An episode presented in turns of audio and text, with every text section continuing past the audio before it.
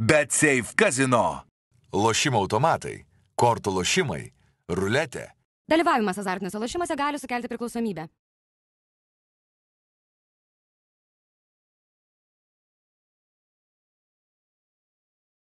Laukiamiausias metų išpardavimas Black Friday jau topo centre. Samsung Galaxy Watch 4 laikrodžiai tik nuo 129 eurų. Galaxy Flip 3 telefonas tik 649 eurai. O Galaxy S22 telefonas tik 759 eurai.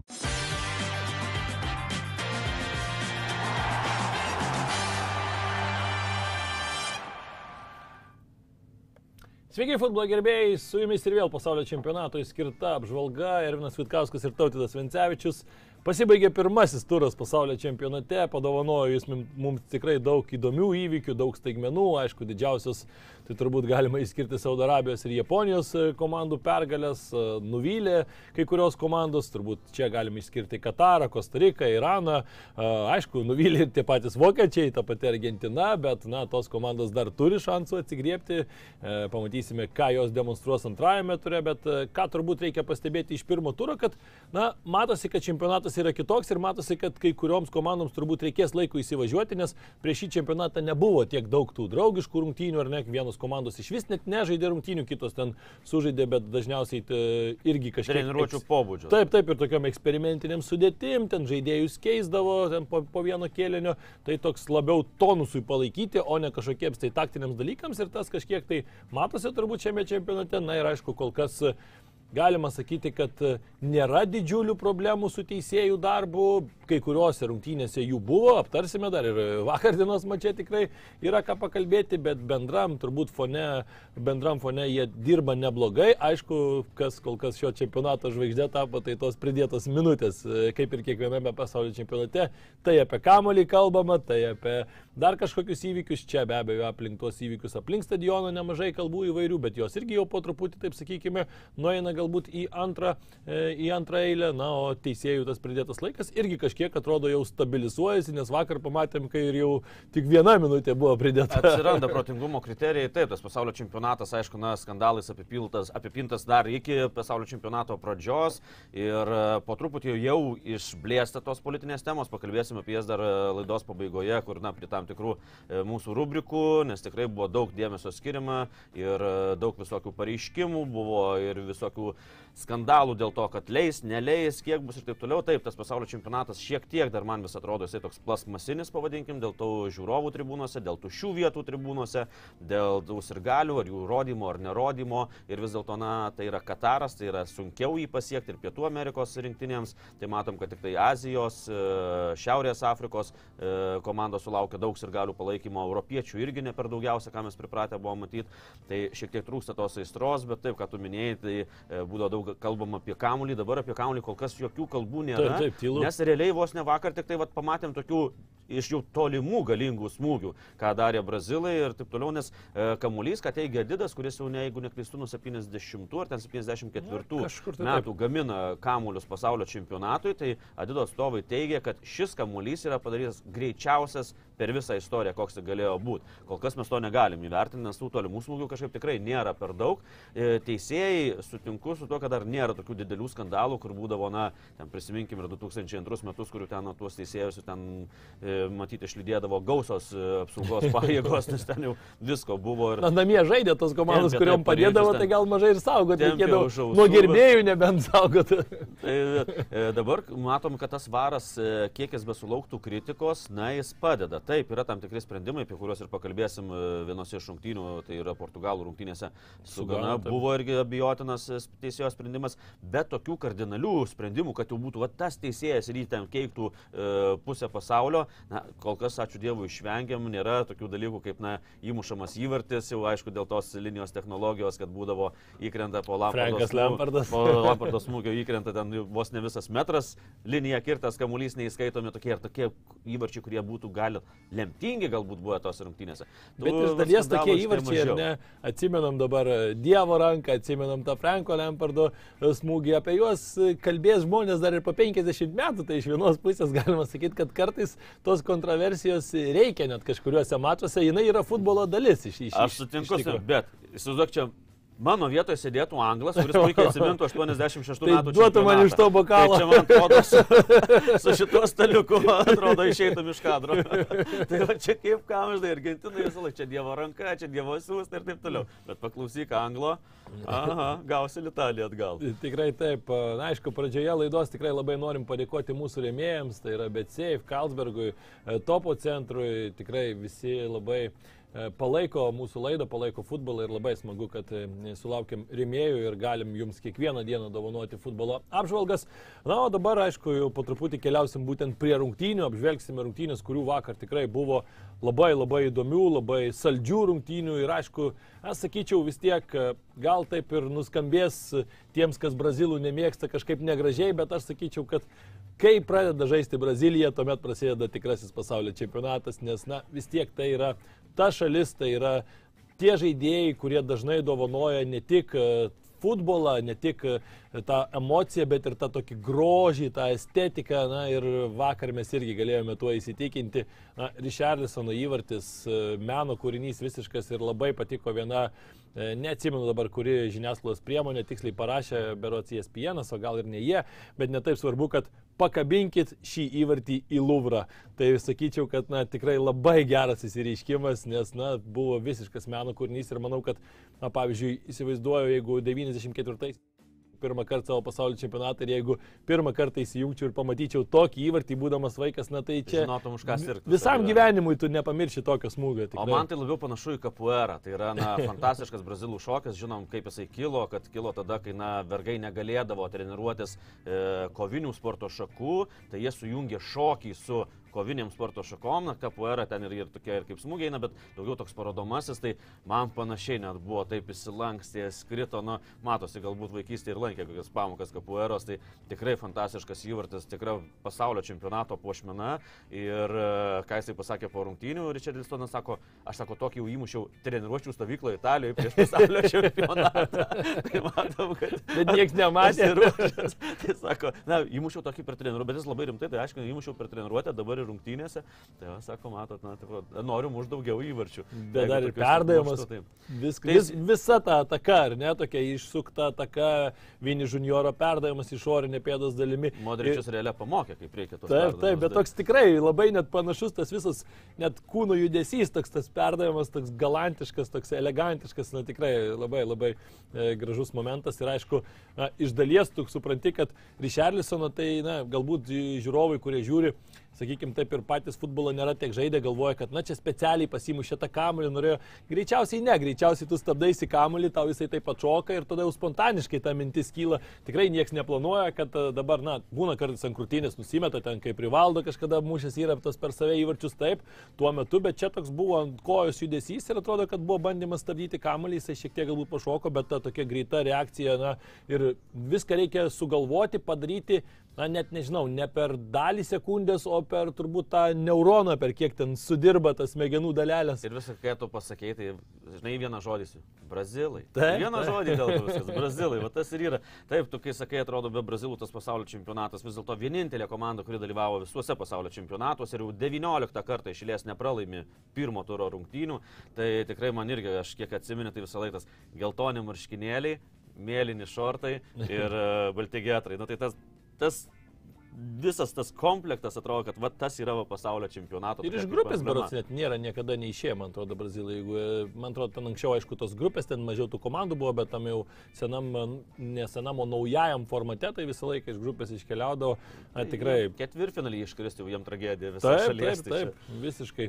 Na ir e, teko kalbėti su draugu, kuris dabar šiuo metu yra Brazilijoje komandiruotėje, tai pasakojo, kad jau buvo prieš savaitę, kai jisai atvyko, e, numatyta, kad žiūrėjo į darbus ir žiūri, kad viena diena išbraukta beveik iš kalendoriaus, kad nevyksta niekas ir sako, kas čia, kas čia bus, sako, kaip tai kas bus, taigi futbolas, sako, brazilai žais su serbais.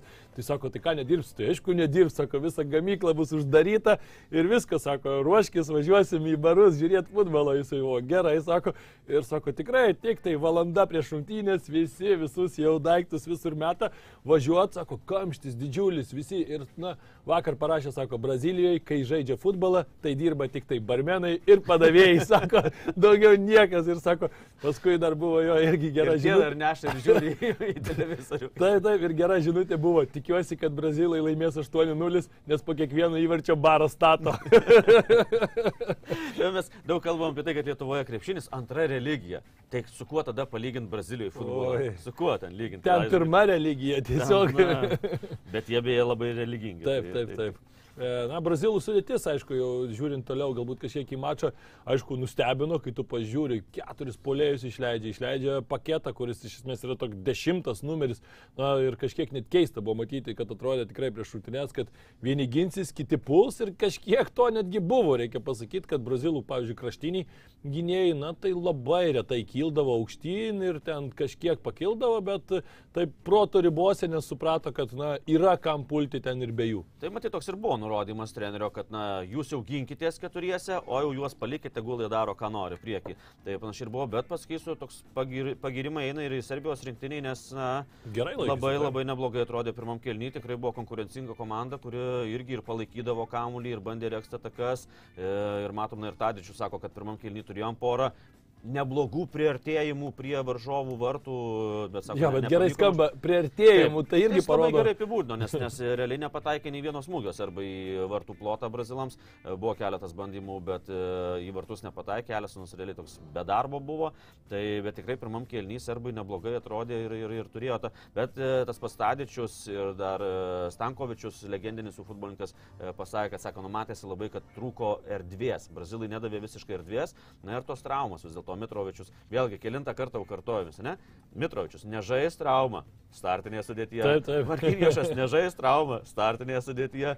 Kaip viskas kažkaip manipuliuojama dabar tos informacijos. Na, mažai serbais patikimo, toksai- ypatingai tokiose Serbai situacijose nereiktų tikėti. Dalykus, tai matom, Mitrovičius tikrai, na, aišku, jis toks pulės, kuriam reikia, na, maitinti kamuoliais ir jis, na, jis stotas toks, kad jisai ir priimtą kamuolį gali susistabdyti ir, ir pramušti gerus ir galvą ir abiem kojom visai, jisai muša, matom, po 40 įvarčių kartais būna per sezoną, bet jam reikia pristatyti tą kamuolį, o būtent Brazilai ir nedavė tos erdvės. Tai matyt, tie keturi gynėjai ir buvo jam pasakyta, kad jau jūs turite susitvarkyti gynyboje e, be tų saugų atakuojančių saugų pagalbos. Taip, ir pirmas kelnys Brazilų tikrai reikia pasakyti, kad buvo blankus, nors mes čia dabar jau kalbame apie tą karnavalą, kuris tikrai užsisuko ten per paskutinį pusvalandį, bet pirmas kelnys toksai tikrai blankus, serbai gerai kamšė skylės, antrajame kelnyje jau viskas pradėjo šiek tiek aktyviau ir geriau Brazilų pusėje vykti, nes tikrai matėsi, kad ir korekcijos padarytos, matėsi, kad žaidėjai pirmam kelnyje šiek tiek ir dažnai taip perlaikydavo kamolį, vienas, du, trys, kartais net keturi, atrodo, kokie papildomi lėtimai, aišku, nei iš Neimaro turbūt to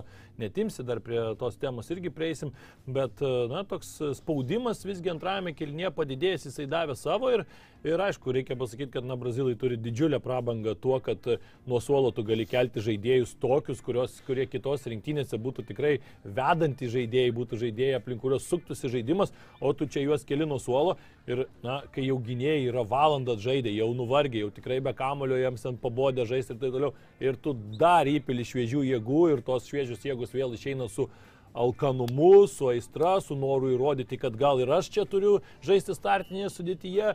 Na, mes matom, kai koks svarbus brazilams yra apskritai tas buvimas rinktinėje, važiavimas į pasaulio čempionatą, vilkint tuos geltonus marškinėlius, tai čia yra kiekvieno brazilo, net ne tai, kad svajonė, net neįmanoma apibūdinti, čia nėra turbūt tokio žodžio. Aš pasakė, sakė, man įsipildė mano vaikystės svajonė. Taip, čia gyvenimo prasme iš esmės yra turbūt daugelio tų žaidėjų, kurie pradeda žaisti futbolą, sparti, visi nori važiuoti į pasaulio čempionatą, visi nori apsivilkti tuos braziliškus marškinėlius, visi nori būti tas šalies, tais dievaičiais ar ne. Ir faktas, kad mes matėm tikrai išeina žaidėjai ir akis dega, kiekvienas išeina futbolininkas, Antony ten savo duoda, Žezusas savo, Rodrygo dar ten kojom mosikuoja su tuo kamoliu ir tikrai tas kamolio toks glostimas, ta tokia, ta tokia technika visa, na, tikrai gražu pažiūrėti ir aišku, serbams jau paskui, ypač kai įkrito tas pirmas įvartis, jau buvo labai sunku, nes jau brazilams na, visiškai atsirišo. Prasideda tarsi dar jos nesustabdys, jie kaip pajaučia vis dėlto irgi mentalitetas toks e, brazilų, kad jeigu tu jiem leisi žaisti, jie žais ir matom, kai jie pagavo savo žaidimą, tai aš jau e, visą laiką sakau, kai jeigu matai, kad gauna kaunį ir brazilas ant stačių kojų pasistoja ir jau pradeda tą kaunį, tai pirmyn gal, tai jau žinai, kad viskas, jau jie pagavo ir tada jau samba prasideda, kur, na, samba pa, paprastas šokis, ne? Arba pagauni ritmą, arba ne. Tai va, kai pagauna brazilai ritmą, tai ir, ir važiuoja ten krypydami. E, nesakysiu ką. Tai o apie sudėtį kalbant, tai na, brazilų tokia sudėtis, kad jeigu kaip ledo rytulį galėtum keitimus daryti, tai paimtų 11 ir pakeistų, netgi nuo vartininko pradedant, nes Edersonas niekuo neprastesnis už šią. Taip, taip, Tai, drąsiai. tai bet kurį ten leisk ir bet kuris, bet kuris tinkamai pakeis e, startinė sudėtyje rungtyniaujantį futbolininką. Ir kaip tu sakai, tai na, brazilų išeiti į aikštę už savo rinktinę yra kažkas tokio. Na, ten kiek tekė na, su žemesnio lygio futbolininkais brazilais bendrauti, jiems ten ta rinktinė tai yra kažkas, na, man atrodo, jie labiau norėtų žaisti už rinktinę, negu ten į kosmosą nuskristi ar dar kažką padaryti. Tai jis išeina ir jis nori įrodyti, pas jį akis na, ant kaktos, jis nori įrodyti, kad jį gal reikia leisti kitose rungtynėse, kad gal bus trečias turas jau nieko nelimitis, kad, kad trečiam durė jį išleistų bent jau tą aikštę, tai tikrai na, kiekvienas ten nori pasižymėti ir, ir tikrai serbam jautėsi nuovargis, nes tu neturi tiek keitimų, e, nemažai yra žaidėjų, kurie po traumų kaip Mitrovičius tik tai neseniai atsigavę ir jiem jau trūko ir fizinių jėgų. Ir kai tu žaidži be kaulio, tau daug sunkiau fiziškai atlaikyti rungtynes, kai tu žaidži be kaulio, negu tu kontroliuoji tą kaulį ir žinai, kur kas bėgs ir taip toliau, tau čia visus gaudyti reikia ir, ir juos gaudyti reikia, na, matėm, kad na, ne, ne po vieną, nes vienas žaidėjas gali pritraukti kelis varžovus. Tai tu turi koncentruotis na, visą laiką ir padėti savo komandos draugui ir dar savo zoną žiūrėti. Tai serbam tas fizinis nuovargis, man atrodo, irgi prisidėjo, kad po to, na, gerai, kad tik du įmušė, nes matėm, vartininkas turėjo ką veikti po to rungtynių pabaigoje. Taip, faktas ir brazilai tikrai na, parodė tą savo klasę, parodė, kaip jie gali žaisti. Aišku, kaip ir sakėm, na, bus įdomu pasižiūrėti ir prieš kitokias komandas, bet vėl reikia pasakyti, kad serbai, na, nėra tikrai prasta ekipa. Jeigu mes, tarkim, apie ispanus galim, taip atrodo sakyti, jo, jie įmušė septynis įvarčius, atrodo, čia galim kalbėti, kad vos ne čia viskas, jau čia dabar jie tampa čempionato favoritais, bet, na, suprantam, tai Kosta Rika ir Serbija tikrai skirtingo lygio komandos. Taip, ir serbai galbūt nėra tų tokių super žvaigždžių visose grandyse, ar ne, kažkur tai gal trūksta tokio, tai, tai komandai tokio, na, visiško e, tokio, kaip pavadinti, net ne, e, mobilumo, tokio, kai tu turi visose grandyse po lyderį, kur tu žinai, kad vat, per jį mes žaidžiam, čia tas valdo, toks šiek tiek dar žaidėjai augantis, dar yra tų futbolininkų. Yra kurie- netgi Varšuvos legijoje žaidžiančių. Taip, taip, tai va būtent tą ir, tą ir norėjusi paminėti. Na ir aišku, o brazilai reikia pasakyti, kad dar kas e, priduoda turbūt šiai komandai tos tokios aistros ir dar e, didesnio noro, tai kad labai daug yra žaidėjų, kurie apskritai debituoja tokio rango turnyruose, kurie pirmą kartą žaidžia, tai yra jauni žaidėjai, kurie be abejo, na, ateina ir jie nori šio- šiose spalvose, šiame, šioje scenoje žibėti. Ir, na, ten matom pas brazilus, ten iš treniruočio yra vaizdų, iš jų, iš jų buvimo ten viešbučiuose ir panašiai. Na, jiems pasaulio čempionatas yra visų pirma šventė. Ir jie tą šventę, jie, jeigu dar pajaučia ir aikštėje tą šventę, tai, na, tuomet jau viskas užsikūrė ir taip sunku jo sustabdyti, kad, na, tiesiog serbai matėme, kad Iš esmės net per visas rungtynes beveik ir nepagrasino brazilų vartams, nieko nesukūrė, tai irgi atspindys geras, na, palyginsim, tarkim, portugalai, ar ne, irgi atrodo valdė, valdė tas rungtynes, bet du įvarčiai Bet įkrito. Leido ir, ir, Taip. ir leido, leido varžoms. O brazilai tikrai skunedavė erdvės ir, ir, ir buvo sukaustyti serbai, nors tikrai potencialą atakuojant jį turi. Nu, tikrai didelį palyginus su Europos valstybėm. Mitrovičius, Vlahovičius. Ir išeina tas pats Vlahovičius, na jo net nesimatė aikštėje, nes jis buvo neutralizuotas, o Mitrovičius vėlgi, na iki jo kamuolį net neteidavo. Milinkovičius, Savičius e, šiek tiek, šiek tiek daugiau priimdavo kamuolį ir taip toliau, bet, bet, bet neleido jam vis tiek e, laisvai žaisti. Ir vat, būtent to trūko tokių perdavimų į priekį, kur išvestų jau į, toks- į atakas, kurios jau galėtų baigti smūgiais, pavojingais smūgiais. Brazilai puikiai sustvarkė ir gynyboje, ko neretai jiem trūkdavo. Na ir aišku, pabaigoje apie šias rungtynes tikrai reikia pasakyti, kad yra ir blogų žinių brazilams. Visų pirma, Neymaro, Danilo traumas. Aišku, apie Danilų gal mažiau kalbama, nors aš sakyčiau, kad mano nuomonė gal tai net vos nesvarbesnis žaidėjas, nes jam pakaitalo nelabai yra vietoj Neymaro, tai tu ten tikrai išleisi vieną iš tų atakuojančių futbolininkų ir dar klausimas, ar bus blogiau ir net gal kažkiek balanso dar gali būti geriau, nes Brazilijos rinktinėje Neymaras nėra nei polės, nei vingeris, yra tas toks laisvas menininkas, nors pavaizduotas jis ten kaip vidurio saugas, bet e, aš net nežinau jo pozicijos. Kur nori, ten žaidžia Tai poziciją. būtent, kur, tikrai, kur pats pasirinka ten ir žaidžia. Na, matėme, ta čiurna atrodo tikrai neskaniai, negražiai, matėme ir tą susidūrimą ir vėl tas susidūrimas įvyko, aišku, irgi kur perlaikytas buvo šiek tiek kamuolys ir buvo vėl daug tokių epizodų. Na, ir aš vis tiek e, grįžtu prie to paties, kad kai tu vedi tą kamuolį, kai tu žaidi viens prieš vieną, jeigu tu tą darysi 20-30 metrų nuo varžovų vartų. Ten viskas yra ok, nes ten niekas nenori prasižengti, ten niekas nenori pasiimti tų pavojingų baudos smūgių, bet kai tu atkeliauji, tampai tą kamuolį, ten bandai tarp kojų kažkur įkišti aikštės vidury, Serbui. serbui. Tai faktas, kad gausi per tos kanopas, nu tikrai anksčiau ar vėliau. Ir čia nu, tik laiko klausimas, tai labai, aš sakyčiau, kad gal ir Čičiai reikėjo šiek tiek jau anksčiau išimti Neimarą, ar, ar jam šiek tiek galbūt pabandyti, aišku, suprantu, kad sunku jam ten pasakyti, kad nedaryk tų dalykų, nes, na, tai yra širdyje ir kraujyje. 30 metų turi suprasti, jau irgi. Keista. Keista. Prisiminkim prieš keturis metus, kiek jisai vartėsi. Dabar, na, šiek tiek, na, galima atiduoti pagarbą, kad to vartymosi buvo daug mažiau. Vienas buvo momentas, kai gavo per kos ir vis Taip. ten priminė 2018 metus. Nuo 2.14 traumą gavo būtent irgi situacijose, tais irgi iškrito. Jau, jau, jau turėtų, ką ir kalbėjom vakar, kad, na, Neymaro, dabar Neymaro yra laikas. 30 metų jau turi parodyti, kad tu gali pakeisti Ronaldo ir Messi nueinančius, bet, bet vis kiek jau metų, 10 metų, bet jis, na, nepriartėja prie to super, super žvaigždės lygio, kad būtų vienas geriausių arba pats geriausias pasaulyje. Ir taip, jos tas perlaikymas kaunio išprovo, išprovokavo tai, kad jis devynis kartus buvo prasižengta prieš Neymarą, tai yra pats didžiausias skaičius per, per pirmą pasaulio čempionato turą. Tai matom, neperlaikyk to kaunio, neprisileisk varžovo, atiduok perdavimą ir viskas bus gerai. Netgi matom, kad jisai net nenorėdamas atlikti perdavimo, kai krito pirmas įvartis, Taip. jisai at- atsileido Būtent. kamuolį ir būtent komandos draugas šalia buvęs tada ir išsprendė visą reikalą. Jo, jeigu O būtų, jeigu pavyzdžiui, būtų pats toliau- nusimetęs, ten sukta kairė, neaišku, ką būtų daręs. Dar taip. vėl po savim, nuo savęs ir būtų nieko ne, nebuvę. Tai matom, kad kartais to kamulio praradimas išeina į naudą visai komandai. Na, pradėjai jau kalbėti apie Ronaldo, tai keliaukim, be abejo, čia yra irgi ką pakalbėti apie tas rungtynes. Visų pirma, aišku, labai toks labai gražu buvo stebėti prieš rungtynes, skamba himnas ir Ronaldo a, ašaros akivaizdžiai matosi akise, na, supranta, 37 metų veteranas, 38 jau ne už kalnų, jau už kelių mėnesių vasarį. Ir tikrai supranta, kad tai jau yra visiška ta gulbės gesmė, tikrąją to žodžio prasme. Ir turbūt, kad supranta, kad reikia mėgautis kiekvieną tą akimirką, kiekvienu tuo prisilietimu prie kamulio ir, na, įmušė, aišku, Ronaldo ir penktąjį, penktajame pasaulio čempionate iš eilės kažkiek tą visą emocija, kuri galėjo būti po to įvarčio, apkartino tai, kad tas įvartis toks, na, įvartis kaip įvartis, bet baudinys paskirtas. E, Įvartis tai ok, atsistojo, jau paskyrė, įmušė, kaip sakant, pa- padarė savo darbą, bet paskirtas baudinys vis tiek toksai nelabai skanus. Nuo tavo nuomonė, buvo ir nebuvo? Ne, mano nuomonė tai nebuvo. O aš li- linkčiau link to, kad buvo. Vis dėlto kontaktas buvo, aišku, e, sužaidė labai daug vardas. Na, jeigu būtų tenais kas nors kitas, ar būtų net ne Portugalų, jau būtų koks Kostarika ar dar kas nors, manau, kad būtų linkčiau link to, kad nebūtų skirtas būdinys. Bet dabar Ronaldo, man, aš labiau 60 procentų sakyčiau, kad buvo būdinys. tai ne nežinau. toks užtikrintas jisai buvo, bet vis dėlto pažanga buvo. Jei pažanga yra, na, tas paskirtas ir, ir matom dabar vis dėlto varas, tai yra situacija, į kurią gali įsikišti varas. Varas arba neįsikišo, pasakė, kad viskas gerai aikštės teisėjui, arba dar kažkiek diskusijų buvo, bet nuspręsta, nes net neėjo jisai prie pats peržiūrėti tos situacijos. Tai manau, kad ten pagal tas visus traktavimus mes irgi nežinom visų tų nurodymų, kaip ką traktuoti, kad tas būdinys, aš linkčiau link to, kad buvo, aš iš karto pažiūrėjau, sakau, 60 procentų buvo, bet jeigu būtų ne Ronaldo, tai galėjo tų 60 procentų ir neužtekti, kad čia pažanga buvo. Aš manau, kad tai... dar čia buvo ta situacija, žinai, kad yra, jeigu teisėjas, pavyzdžiui, nepaskirtų baudinio e, gyvai ar ne, tai tuomet irgi neduotų, peržiūrėdami VAR, tikrai ne, nepakviestų teisėjo, bet kadangi teisėjo, mes žinom, teisėjo sprendimas yra ir tuomet VAR jau turi taisyti akivaizdžias klaidas, kaip jie patys akcentuoja, ar ne, kad tai turi būti akivaizdi klaida.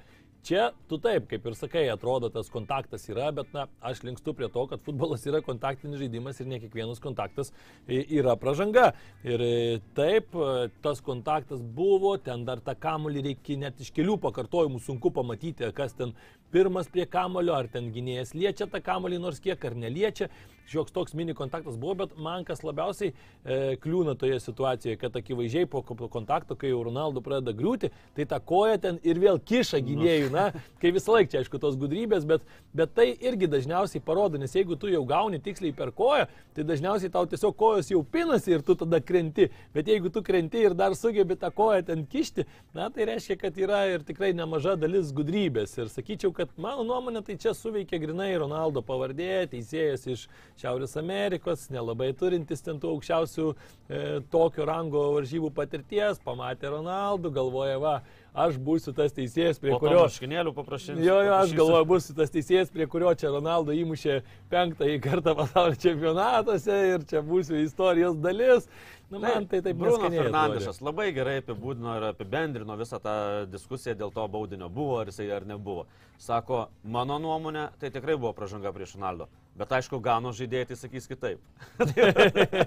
tai čia kas už ką, kas už, už Portugaliją, kas e, simpatizuoja Ronaldo, sakys, aišku, buvo, šimtų procentų buvo, čia taip toliau. O kam nepatinka Ronaldo, arba kas e, Ganos rinktinę palaiko, manau, Lietuvoje daug tokių yra. tai tikrai sakys nesąmonė ir iš karto visi socialiniai tinklai. Vėl. Tai taip, aš vakar gavau irgi kaltinimų, kad aš nekenčiu Portugalų ir Ronaldo, nesvarbu, kad Europos čempionatuose už Portugalus sergu 20 metų turbūt, gal ir daugiau, o Ronaldo Madrido realiai yra įmušęs tiek įvarčių, kad aš jam paminklą namie galėčiau pastatyti. negalėtų sirgti už jokią komandą. Tu esi žurnalistas ir objektyviai viską turi Tai pateikti. va, bet sakė, kad nekenčiu, pasirodo Portugalų. bet, na, tiesiog tai va ir norisi būti būtent šioje situacijoje objektyviam ir mano nuomonė tikrai tas būdnys toksai pigus. E, kažkiek, kaip ir sakėjai, plasmasinis kol kas čempionatas dėl to, kad e, nėra tų sirgalių tiek, tiek kiek norėtųsi, tų tikrų ar ne sirgalių, kurie atvažiuoja ir išsidažo visom įmanomom spalvom, prisigalvoja ten kartoninių tų draugus, net su kartoninius pasiima. Atsimeni, kaip vežėsi meksikiečiai ir kas ten berots, kad negalėjo draugas važiuoti, tai išsikirpo draugo nuotrauką ir atsivežė vis tiek. Tai vat, kažkiek to trūksta, bet, bet šiaip na, po truputį, aš sakyčiau, tas čempionatas tikrai įsivažiuoja, nes mes matom vis vis daugiau, na, pamatėm jau dabar visas komandas ir manau, kad antram turė matysim ir kiek mažiau atsargės, atsargų futbolą, nes vis tiek tas pirmas, pirmas turas toksai būna. O dar apie Ronaldo įdomus faktas yra, kad jisai ne tik tapo penkiuose čempionatuose įvarčius įmušusių žaidėjų, bet ir tapo Portugalijos ir jauniausiu ir vyriausių pasižymėjusių įmušusių įvartį, nes pirmą įvartį, kai įmušėm, buvo 20. Dar yra Portugalijai rekordų, kurie ne Ronaldo priklauso. Na, ko gero, ko gero, sunku būtų tokių surasti. Iki tol buvo tik du futbolininkai tokie, kad pasižymėjo savo rinktinėje, būdami ir jauniausių, ir vyriausių. Tai Michaelis Laudrupas, Danijos rinktinės legenda, ir Vica Oličius iš Kroatijos rinktinės. Tai dabar Ronaldo tapo trečiu pasaulyje tokiu. Ir dar įdomus faktas, kad šiose rinktinėse Žoao Felixas tapo antru jauniausiu pasižymėjusiu pasaulio čempionate Portugalijos rinktinė. Tai e, 23 3 metai ir 14 dienų, o Rafaelis Levo trečiu jauniausiu, Ronaldo 23, 23 metai ir 167 dienos. Tai matom, kad na, ateina ta karta, kuri gal tinkamai pakeis Ronaldo, nes ką ir kalbėjom apie Žau Felixą, kad jau dabar turi įrodinėti, kad jis taip, taip. yra geras futbolininkas ir kad neveltui už jį buvo sumokėta daugiau nei 100 milijonų ir tu tarp sezonų buvo tapęs brangiausiu tada. Tai matom, labai svarbu įvartį įmušė, tikrai kur na, atsiskleidė, bet kada reikėjo, tada jisai įmušė. Nes, na, atrodo, čia pirmauja, tas būdinys toks neužtikrintas, portugalai pirmauja, bet gauna greitai įvartį atgal ir vėl vienas vienas ir tada atsiranda sunkumų tau persilaužti. Bet portugalai gan greitai vėl įsiviržė į priekį, realiai penkios minutės praėjo po Ganos išlyginimo įvarčio. E, Taip, e, prisiminiau vieną rekordą, kurio Ronaldo dar neturi. Devynis įvarčius pasaulio čempionatuose yra įmušęs Eusebijo, o e, Ronaldo turi tik aštuonis. Ir aišku, Eusebijo reikia pasakyti, kad viename čempionate visus suštampavo 66-aisiais. Tai bet e, šio, šio Šiais laikais už devynės. Jo, jo, šiais laikais tikrai sudėtinga. Arba turi žaisti su, norėjau sakyti, su Saudo Arabija, bet prisiminiau, kaip baigėsi Mėsį žaidžiant su Saudo Arabija. Tai turbūt, kad turi, turi žaisti labiau apie tai, prieš gal dar silpnesnės komandas, prieš Kostariką šiuo atveju, bet matėm, kad ispanai irgi ten hetrikų netliko. Kalbant apie Ronaldą, tai dar galima pasakyti, kad ir ne tik penkiuose pasaulio čempionatuose, bet ir penkiuose Europos čempionatuose yra įmušęs įvarčius, tai dabar jau dešimt, dešimtyje uh, tų didžiausių turnyrų, na tai vis, visiškai įspūdingi skaičiai, 190. 20 metų tu muši įvarčius svarbiausiuose turnyruose. Kosmosas čia metų. visiškai nesuprantama. Žmonės tiek negyvena. E, Na ir 192 mačas rinktinė, aišku, tų mačų dar tikrai bus, greičiausiai dar bus ir įvarčių, greitai turbūt perkops ir 200 mačų ribą. Na ir tai irgi turbūt parodo, kiek koks geležinis žmogus visų pirma yra ir turbūt irgi parodo, kiek pasišventęs savo šaliai, niekada jisai nesakydavo, kad ten net važiuosiu ar po, per sezonų žaisdavo po nežinau, ten 60-70 turbūt rungtynių, muždavo įvarčių irgi panašiai, bet vis tiek visą laiką Portugalijos rinktinėje atvažiuodavo ir, ir visą laiką žaisdavo. Na, dar šiek tiek kalbant jau plačiau apie pačias rungtynes, tai atrodo jau Portugalai buvo tas rungtynes kaip ir užmušę, tai pavadinkim ar ne, ir atrodo jau buvo viskas aišku, bet e, staiga dar viena klaidelė, kurių tikrai Portugalijos rinktinės gynyboje netruko, Danilų Pereira prastokai rungtyniavo. Neužtikrintai atrodo garsios pavardės, bet ne pavardės žaidžia. Tikrai du įvarčius praleisti tokius, na, pigius įvarčius, tikrai reikia pasakyti. Ir, ir e, tuomet Bukary įmušė įvartį, Ronaldo šventimą bandė imituoti. Labai jokingai atrodė, nelabai turbūt žiūrėjo į rezultatą, kad dar neišlygintas, ar reikia kamuolį imti ir bandyti rezultatą lyginti. Režisieriai gerai pagavęs ten šoką kaip Ronaldo, po to taip, ai, palauk, palauk, tai kad dar, dar nelygu, gal, gal imt kamuolį greičiau ir skubėti į ataką, bet tai, na ir, bet gerai, kas gerai baigėsi. O pati Portugalų. pabaiga, wow, aš tai čia nesuprantu. Aš, pavyzdžiui, aš- Diogų košta galėjo čia a, tapti. Aš jau apie vartininkus nieko Wow. nebesuprantu. Aš jau kilintą kartą nepataikau, kas stovės pagrindinėje startinėje sudėtyje pas tam tikrą rinktinę. Ir aš vakar irgi sakiau, nu, Rui Patricio, nu, puikiai žaidžia ir neužtenka už porto sustovėti ant šešias rungtynes e, čempionų lygoje, kai turi tokį vartininką patyrusį kaip Rui Patricio. Man jisai, na tikrai dabar vienas, vienas geriausių portugalų geriausių. Tai nežinau, kaip dabar antram turė Aleksis e, portugalų treneris, nes e, neleis Diogo, tai na, tu jau toks, na, už, užmuši, jau, tu taip, jau jį užmuši, bet neleis Rui Patricio, tai tikrai, na, na čia yra pradžiamokslis, na aš neatsinu, kurio, nu, antrojo klasėje, ko gero. Tau- apsidairyt. tau nes Pagavai kamuolį, tu apsidairai į abi pusės. Na čia yra, na, aš nežinau, kaip, na, kad taip rankas turi statyti ir tada antra pamoka yra, kad pagavęs kamuolį, na, turi apsidairyti. Tai čia, Čia kaip ateini į mokyklą ir pasako, kad po A yra B. taip, visiškai, visiškai. Tai yra antra pamoka ir, na, tokiam tai gerai, jis dabar, man atrodo, ne iš karto į bažnyčią, tikrai gal surado. Jis, man atrodo, nuėjo katalikišką Injaki Williamsui musulmonų- ranką paspaudė, kad paslydo jisai. Ačiū Dievui, kad jisai paslydo, kad Injaki paslydo, nes tai būtų, na, kurioziškiausias, ko gero, įvartis per visą pasaulio čempionato Taip, taip. istoriją, kiek mes- matom. Ten gal buvo ten 34 ar 38, gal ir kitokių tų įvarčių, bet ne visus matėm. Bet jau čia tai būtų, na, būtų nuskambėjęs per visą pasaulį ir būtų skambėję labai ilgai, nes realiai ir būtų pasibaigę trys Taip, taip, laiko taip. Ten labai nedaug buvo likę, tai, na, oi, gerai, kas gerai baigėsi. Tikrai, tikrai Portugalijai čia pasisekė šiame epizode. Aišku, išskirčiau labai Rafaelio Liao išėjimą, tikras toksai vingeris, aštrus žaidėjas ir man atrodo, kad Portugalijai kažkiek net ir trūksta tokių žaidėjų, kai žaidė startinėje sudėtyje. Žuao Felixas, e, jisai irgi panašiai taip žaidžia visur aikštėje, mėtosi, kartais to savo pozicijos irgi atrodo neranda. Otavijo ten tokį irgi ne, nekokį įspūdį, sakyčiau, paliko. Bruno Fernandešo netgi pirmajame kelnie, kai žaidė jisai tame krašte, tai man nei Manchester United tie bandymai kartais įstatyti, nei man atrodo, kad jis ten gerai jaučiasi. Mes matom antram kelnyje atėjo žaisti ten, kur jis turi žaisti, tai yra pozicijoje populiais, aikštės viduryje, iš karto du rezultatyvūs perdavimai, visai kitoks žaidimas. Ir aš manau, kad Fernandas Santošas čia gali netgi irgi pagalvoti apie kai kuriuos keitimus, nes, na, po keitimų Portugalijos rinktinėje po tam tikrų keitimų atrodė tikrai geriau antrajame kilnie negu irgi pirmajame, nes nors ir tą kamolį ten kontroliavo ten vos ne 80 procentų laiko ir ganai irgi į vartų plotą, net į vartų pusę mes matom dabar jau šiame pasaulio čempionate tikrai nemažai rungtynių, kur bent jau vieną kėlinį, kai yra stipresnės komandos, kitai komandai net įkvėpti neduoda ir net e, savo aikštėje beveik pabu- pabuvoti ten kelis kartus tik tai leidžia, bet e, patys irgi to tokio žemo bloko ne visą laiką sugeba perlaužti ir trūko Portugalija atrodo to tokio šiek tiek laisvumo ir tų tokių žaidėjų, kurie vienas prieš vieną kažkiek labiau padraskyti. Ir trūko agresyvumo. Santošas negailėjo kritikos savo komandai. Po rungtynių, na taip tikrai sudėliojo taškus ant į ir sako, trūko agresyvumo. Ir savo per pertrauką pasakiau, kad reikia apsišarvuoti kantrybę, bet nepamirškit rezultato. Tai matom, kad jie laikydavo tą kamulį, bet vat, atakose kažko tokio vat, agresyvumo, aštrumo tikrai pradžioj trūkdavo. Ir dar ką pasakė Santošas, kad sako, na, praleidom du įvarčius. Sako, tai yra nepriimtina. Sako, na, sako, bet viską užbraukim, svarbiausia dabar trys taškai.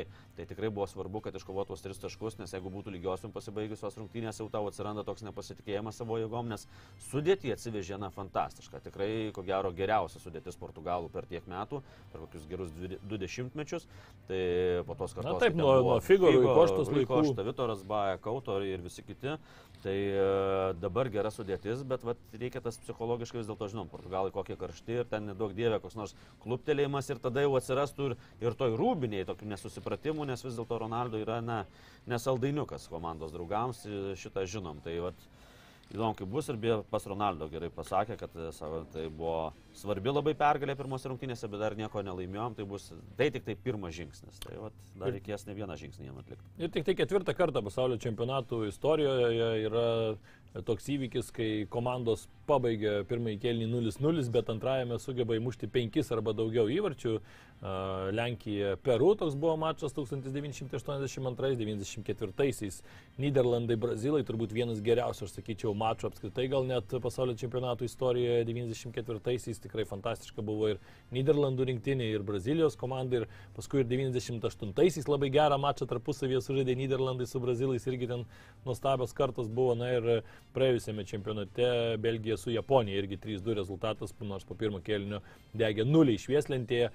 Na, dabar keliaukim prie kitų dviejų mačų, be abejo, jie buvo mažiau karšti ir, ir įvykiais aikštėje, na, taip sakykime. Ir įvarčiais vėl linkėjau, Taip, kad nebūtų nulinių lygiųjų, bet vis tiek vienas rungtynės baigėsi. Taip, nu jų ir gal ir 0-0. pradėkime rungtynės, kuriuose Urugvajus, na, neparodė savęs gražiausiamis spalvomis, 0-0 sužaistas su Pietų Koreja, bet ką mes vakar ir kalbėjom, iš tikrųjų tas ir matėsi, kad Pietų Koreja tai yra solidi komanda, gerai organizuota komanda ir tikrai jos gynyba pralaužti vienas dalykas sunku, kitas dalykas, kad jie ir nėra ta komanda, kurie užsisėdi kažkur savo baudos aikštelėje, jie irgi nori žaisti futbolą, žaidžia jį pakankamai šiuolaikišką, žaidžia aktyviai ir tikrai matom, kad kartais e, Pietų Koreja, Japonija, tos tokios šalis, kurios atrodo atsiveža ten vietinių žaidėjų, kurių mes nelabai žinome, bet, na, jie vaizdo negadina ir kartais ten gali, man atrodo, Europos skautai tokiuose čempionatuose surasti tų tokių įdomių žvaigždučių, patikri, nes kai tu žiūri juos galbūt Pietų Korejos čempionate, tu nežinai, ar jie gali tame aukštesnėme lygyje Visi patemti. vienodai atrodo ten. Ne, bet e, sutik, kad jau, nežinau, Japonijos lyga kokie 20 gal daugiau metų, ne, dar kai ir jau daugiau metų, apie 30 metų, ten yra nemaži pinigai, net Taip, taip. dideli pinigai. Sunku išvilioti net japonus. Ziko, kai prisitraukė, tada visiems buvo nustabu, kai brazilų legenda Ziko važiuoja žaisti Na tai į miestą kiek metų? Tai, tai tikrai situacija tokia, kad ten yra tų pinigų ir kai išvažiuoja iš Japonijos, tai išvažiuoja tokius geresnius, pavadinkime, Europos klubus. Taip, Taip, taip jie nevažiuoja, jiems nėra ko važiuoti. Tai ten tikrai pakankamai aukštas lygis, pakankamai geri pinigai ir Japonai ten, na, žinom, kad ir į Lietuvą Japonų atvažiuoja nemažai, Taip, bet tikrai netokie, kad ten galėtų žaisti aukščiausio lygio. Pietų. Koreja šiaip irgi Pie- Pietų panašiai. Korėjoje labai panaši situacija. Žinom, kad na, kiek ir europiečių važiuodavo į, į Pietų Koreją ir tų pačių lietuvių yra žaidę Pietų anksčiau. Atlyginimai tai tikrai geri ir dabar lietuviam ten toli yra iki Pietų Korejos e, netgi antros lygos galbūt, pavadinkim taip. Ir ten yra pinigai, ten yra lygis ir tada jie, kai išvažiuoja, tai išvažiuoja tokius jau garsesnius klubus, kur jau įvyksta perėjimas kažkoks stambesnis. Tai va už tai jie atsiveža mum nežinomus futbolininkus, bet jie gan gerai žaidžia ir Pietų Koreja vakar pademonstravo ir pakartojo ganėtinai sėkmingą žaidimą, ką padarė ir jų ten na, gretimai esanti valstybė Japonija. Tai tikrai Korejos toks žaidimas nenustebino, na gal kažkiek nustebino Urugvajaus žaidimas, matėm, metė daug pajėgų tokių atakuojančių, bet atakuojančio po- potencialo jie tikrai neišnaudoja. Na taip, tokie pasivokiai, net kartais sakyčiau, ir norėjusi, kad galbūt ir daugiau žaistų su kamoliu, daugiau kontroliuotų jį, bet, na, toks, toks jausmas, kad irgi Urugvajų reikės įsižaisti, nes atrodo, kad a, vis tiek mes kalbėjome apie tai, kad yra dar ir tų veteranų, bet yra ir ta naujoji karta ir dar kartais atrodo, kad tokio balanso vienas kito supratimo šiek tiek trūksta, nes vieni atrodo bėga vienur, kiti kitur, tokio toks, na, disbalansas šioks toks jaučiasi dar toje komandoje, bet aš sakyčiau, kad e, potencialo vis tiek turi, bet šita grupė bus labai sunki ir čia kiekvienas mačas bus e, žiaurios svarbos tiesiog, e, aišku, gerai turbūt abiems komandams, kad pralaimėta nebuvo, abi pasiima po tašką ir abi toliau turi visus šansus. Reikia dar pasakyti, kad tai buvo pirmas mačas šiame čempionate ir vienas iš e, berots pirmųjų, netgi o gal pirmas pasaulio čempionato istorijoje, kai pradėta skaičiuoti jau ta tikrai ta statistika, kurią jau tikrai galima gauti, nes anksčiau ten ne iš visų mačų tikrai paimsi ją, kad į vartų plotą nebuvo pataikyta ne vieno karto, nors porą kartų Urugvajus futbolininkai pataikė į, virps, į vartų konstrukciją ir taip labai, sakyčiau, simboliškai, kad Godinas e, ten, kur ir turi būti, po standartinės situacijos galva, na, o Valverdė irgi savo tokiais firminiais smūgiais, kurių šiemet mes matėme daug, tikrai na, padleido neblogą patranką. Na, apibendrinant, tai tikrai buvo geras interviu Urugvajos trenerio Diego Lonso, kur savo puolime mums pritruko lengvumo ir išradingumo, žaidėme su trimis puolėjais ir dviem atakuojančiais vidurio saugais. Tačiau ilgą laiką negalėjom suprasti, kaip išnaudoti savo galimybės. Tai va, ką tu ir sakei, kad e, dar tokio supratimo tarp, tarp jaunimo ir tarp tų jau veteranų, patyrusių veteranų šiek tiek trūko ir, na, atrodo kartais, kad na, dar vienas kito nesupranta, kas kur bėgs, ką darys. Ir va, tie du virpstai tik tai, na, jau ten žaidėjai pa- pasiekė tą, kur jie pripratę. Tai daryti savo toksai kiekvieną dieną, taip. taip. Na, o Valverdės tas smūgis buvo puikus, vat, jau galėjom pamatyti to kamulio skrymo greitį. Aišku, pietų kurios vartininkas puikiai viską matė ir net matėm, kad ranką šiek tiek patraukė. paliko, Nes iš išorinės dalies atšoko į virpstą, tai aišku, tokius situacijas vartininkai jaučia. E, Aleksas Sandro dar puikus smūgis, va iš toli irgi į virpstą, kur pataikė grįžtant dar prie Brazilų mačo. Ir reikia dar paminėti, kad Urugvajus rinktinė jau 465 minutės nepraleidžia pasaulio čempionatuose žaisdami grupėje ir paskutinį įvartį grupėje į Urugvajus vartus dar Veinas Rūnis įmušė 2014 metais, tai matome, kaip tai buvo jau seniai.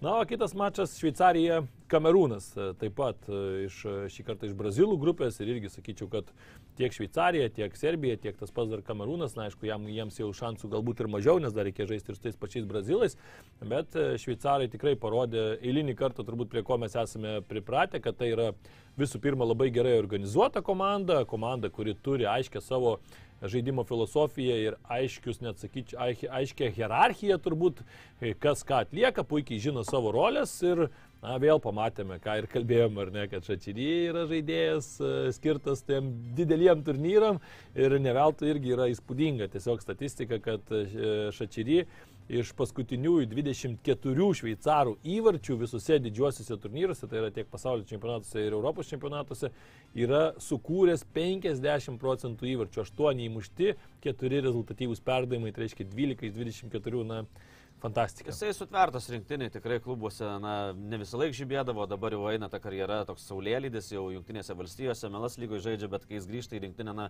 visai kitos futbolininkas ir jam, na, visi treneriai, tiek Petkovičius, tiek dabar ir Jekinas, na, jam leidžia, leidžia improvizuoti, leidžia žaisti savo žaidimą, tom trumpom kojom, jisai nežinai, ką padarys, kokį perdamą, kur įkiš, kokį smūgį, tai tikrai, tikrai puikus žaidėjas. Ir, ir man dar toks e, visą laiką atrodo, kad Šveicarų rinktinė vis dėlto sudaryta iš skirtingų tautybių futbolininkų. Tai yra, na, daug, Šveicarijoje labai daug gyvena atvažiavusių, atvykusių, ne pačių Taip. šveicarų. Ir jie, kai išeina už tą rinktinę, jie sulaukia, ta, bent jau anksčiau, kokį dešimtmetį atgal, jie sulaukdavo daug tokių, na, kartais ir pašaipų, kartais tokių badimų pirštais, kad va čia, čia ne šveicaras, čia ne šveicaras, ten iš ten, čia iš Balkanų, ten e, čia iš Albanijos ir taip toliau ir panašiai. Tai jie visi toks būdavo net ir kalbėdavo apie tai, kad išeitų Šveicarijos rinktinė ir jiem, kad, kad įrodyti, reikia įrodyti tą, kad aš va, šveicaras, kad aš už Šveicarijos rinktinę žaidžiu ir jie pakildavo į kitą lygį, netgi ir dabar Embolokai įmušė, jisai nesidžiaugė, nes pats yra Kamerūne gimęs ir Jekinas, e, šveicarų treneris po rungtinių pasakė, sako, na, sako, visi žinom jo istoriją, sako, kad jisai gimęs Kamerūne, e, bet sako, iš karto po e, pirmo teisėjo švilpuko jisai tampa Šveicarijos rinktinės nariu. Tai sako, na tai yra normalu. Tai, va, tai aišku, tas nesidžiaugimas kartais man ir keistai atrodo, na tai nesidžiaugi, kad tu įmušė įvartį už savo rinktinę. Na, bet čia toks gal ir gražus poelgis vis tiek, tai yra žmogus e, gimęs Kamerūne, gyvenęs ten iki 5 ar 6 metų, e, po to tėvai įsiskyrė, mama persikėlė į Prancūziją, norėjo mokytis ir ten pradėjo studijuoti universitete, tuomet susipažino su šveicaru ir jie persikėlė visi į Bazilį gyventi ir buvo ten apie 7 ar 8 metai Embolo ir jisai pradėjo Bazilio akademijoje treniruotis ir taip toliau, tai na tą futbolo kelią iš esmės jisai susikūrė savo Šveicarijoje, tai todėl jisai bet- atstovauja Šveicarijos e, rinktinį. Nes, na, kaip ten kitiem jis yra. komandos draugams tu pribėgio, tu čia, na, taip maždaug, na. Na, bet Man aš toks- nemanau, man, kad man, man ten- tai tokie dalykai nepatinka, man asmeniškai. Aš nes- tai nes- nemačiau didelės problemos ir nemanau, kad labai šveicarai ten turėjo problemų, matėm labai laimingi, apsikabinę Embolo, visi apšokę, bet aš šiaip sakyčiau, Brilis Embolo jau, Da, buvo- buvo- jau yra Meli Lukaku. blokas ar ne? Blokas, ai. blokas ne? Su Lietuvos Šį rinktinė Ivanauskas sakė, kad Šį blokas. kartą buvo, kai nereikėjo, bet šiaip Brilis Embolo labai toks subrendęs, dabar jau toks Lukaku stiliaus žaidėjas tampa, nes aš atsimenu, jis visą laiką buvo tvirtas, bet dar anksčiau toks, dar e, šiek tiek atrodė toksai, na, vaikiškas kažkiek gal ir iš to veido, dabar jau toks tikras rimtas vyrukas ir tikrai baudos aikštelėje tokį polėją turėti šveicarams, na, yra labai solidu. Ne veltui nukonkuravo Šeferovičių, kuris na, Taip, taip. pastoviai žaisdavo pagrindę ir tikrai na, būdavo, atrodo, toks nepajudinamas iš to Šveicarijos rinktinės, bet buvo dabar taip, savo mistriškumu nukonkuravo labiau patyrusį komandos draugą. Aišku, kažkiek buvo ir keistų kamerūnų rinktinės ten e, trenerio viražų, Rigoberas Songas, tikrai visiška legenda šios šalies, bet keitė čiupamotingą tą patį toko kambi 15 minučių likus iki rungtynių, kai atrodo, na, tai yra tavo lyderiai, tai yra žaidėjai, kurie turi mušti įvarčius. Abu Bakaras, taip, žaidėjas legenda, bet, na, jau metai ne tie, jau klubai irgi ne tie, kuriems atstovavo dar anksčiau šis žaidėjas ir na, kažkiek man, man čia galbūt ir yra akmenėlių tokių į trenerio daržą. Šiaip reikia pasakyti, kad viską turbūt labai apibūdina gerai šių rungtynių, kokios paskutinis 15-20 minučių. Atrodo, kad kamerūnų reikia įvarčio, bet progas kūrė tik tai šveicarai. Tai labiau šveicarai turbūt buvo arčiau antro įvarčio negu kamerūnas prie išlyginamo. Na, vis dėlto šveicarai, na, kaip komanda, jinai Solidesnė, taip, Ir kaip individualų žaidėjai irgi jie turi Be abejo, daugiau į patirties. klubus ir pasižiūri vien Taip, tai ten e, Kamerūno vis dėlto, na kas, na keletas žaidėjų, kurie, kurie tikrai rungtyniauja geruose klubuose, bet e, dėl tų keitimų, na, tu nežinai, gal kažkokios smulkios raumelės, gal matai, kad jis jau pervargęs, ar taip toliau, nes vis dėlto Europoje yra žais krūviai dideli, tai galvoju, gal kad įneš, įneš gyvumo, čia negali žinoti dėl tų, nes irgi tas treneris jisai geriau mato kiekvieną žaidėją, gal kažkas kažką pasakė, tie sprendimai, na, neaišku, kai, kuo, kuo jie buvo e, įtakoti, tai vis dėlto Kamerūnas, aišku, norėjosi iš jų aktyvesnio žaidimo 0-1 atsiliekant visą antrą kėlinį, bet, bet to nebuvo, arba šveicarai neleido, nes tu žaidi taip, kaip tau leidžia varžovas. Man tas Tai labiau šveicarai, variantas. šveicarai nelabai ir leido ten jiems išėlti. Ir, Ir nieko ten Kamerūnas negalėjo padaryti, bet šita grupė tai tikrai bus įdomi ir, ir žiūrėsim, kaip čia toliau klostysis. Abi tos grupės, kurias būtent aptarėme, abi bus labai įdomios. Taip, po, keturios komandos, kur gali bet kurį išeiti, na aišku, brazilai ten jau ryškus favoritai. Na taip, dabar keliaukime į trumpą reklamą ir netrukus tęsime laidą. BetSafe kazino. Lošimo automatai, kortų lošimai, ruletė. Dalyvavimas azartiniuose lošimuose gali sukelti priklausomybę.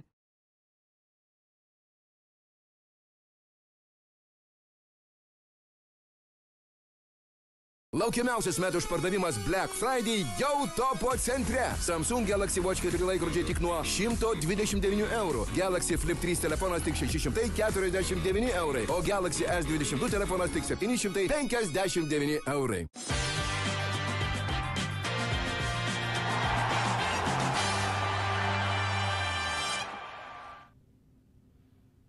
Grįžtame į laidą.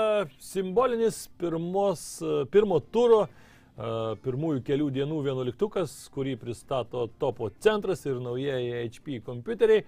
Na ir pradėkime nuo vartininko pozicijos. Čia aš aišku tau duosiu nuspręsti, bet mano kandidatas tai porą kandidatų aš tik paminėsiu. porą Očio ir. Tibo Kurtuva. Na tai, bet e, šiek tiek prieš pradedant simbolinę, tai buvo per šeš... trumpai statistikos, per 16 rungtynių įmuštas 41. Įvartas tai vidurkis, e, na realiai suapvalinus 2,5 įvarčio per rungtynes. 18 metais buvo 2,64 įvarčio, šiek tiek daugiau, bet aš dar ir paskaičiau, jeigu atmetus Ispanų pergalę 7-0 ir. Irano rungtynės, kur 8 įvarčiai buvo, tai liktų tik tai 1,85 įvarčio per rungtynes, tai matom, kad nėra didelis, tai gerai patraukė Ispanai ir gerai patraukė Anglai su Iranu. O dar Na, žinai, kas iš statistikos įdomu, kad nebuvo nei vienos raudonos kortelės kol kas šiame čempionate. Ir kitas niuansas, kad jeigu gerai atsimenu, nebuvo ir nei vieno įvarčio į savosius vartus, o atsimeni, prieš ketveris metus buvo 12 įvarčių į Pamušė savosius visus vartus. įmanomus rekordus ir ten būdavo vos ne ilgai, ten trečioje vietoje tarp rezultatyviausių. Tai buvo, O dabar nebuvo nei vieno, tai vat, pasikeitė šiek tiek, bent jau kol kas, bet gal pradės štampuo dabar. Na, žiūrėsim. Na, o vartininkas tai aš tikrai, tam daug svaršiau, daug dėliaus ir, ir, ir taip toliau, na, vis dėlto tai buvo kurtuo, kuris, na, traukė komandą tada, kada labiausiai reikėjo ir tas, aišku, baudinys, tai yra, na, jau iliustruoja viską, bet ir buvo tokia užtikrinta siena, kur galėjo belgai, na, matom, kad turi... Ir daugiau kru- e, kanadiečiai turėjo epizodų. Taip, svarbiausia. daug daugiau turėjo, ir Taip. daug daugiau smūgių atliko, bet matom, kad jisai užkirzdavo kelią netgi ir tada, kada ir ten ir nuošalės būdavo pakeliamos ar, ar pražanga fiksuojama, tai tikrai, tikrai jis nusipelnė, nes belgam pralaimėti Kanadai pirmame ture, tai čia jau būtų, nesakysiu, per kokią vietą su Britva, kaip mėgdavo vienas legendinis treneris sakyti, tai jau čia būtų labai sunku, ta prasme, toks psichologinis, bet jis padarė viską, kad komanda tų psichologinių problemų neturėtų po pirmo turo ir pergalė tada pasiekta, kai Debriūnė žaidė prastai ir visi kiti komandos draugai žaidė prastai ir tą patys pripažįsta, tai tikrai e, jisai buvo va, tas lyderis, kurio reikėjo kaip vartininkas ir ne tik kaip vartininkas, bet ir iš visų žaidėjų. Tai aš tai siūlau, tai buvo kurtuai.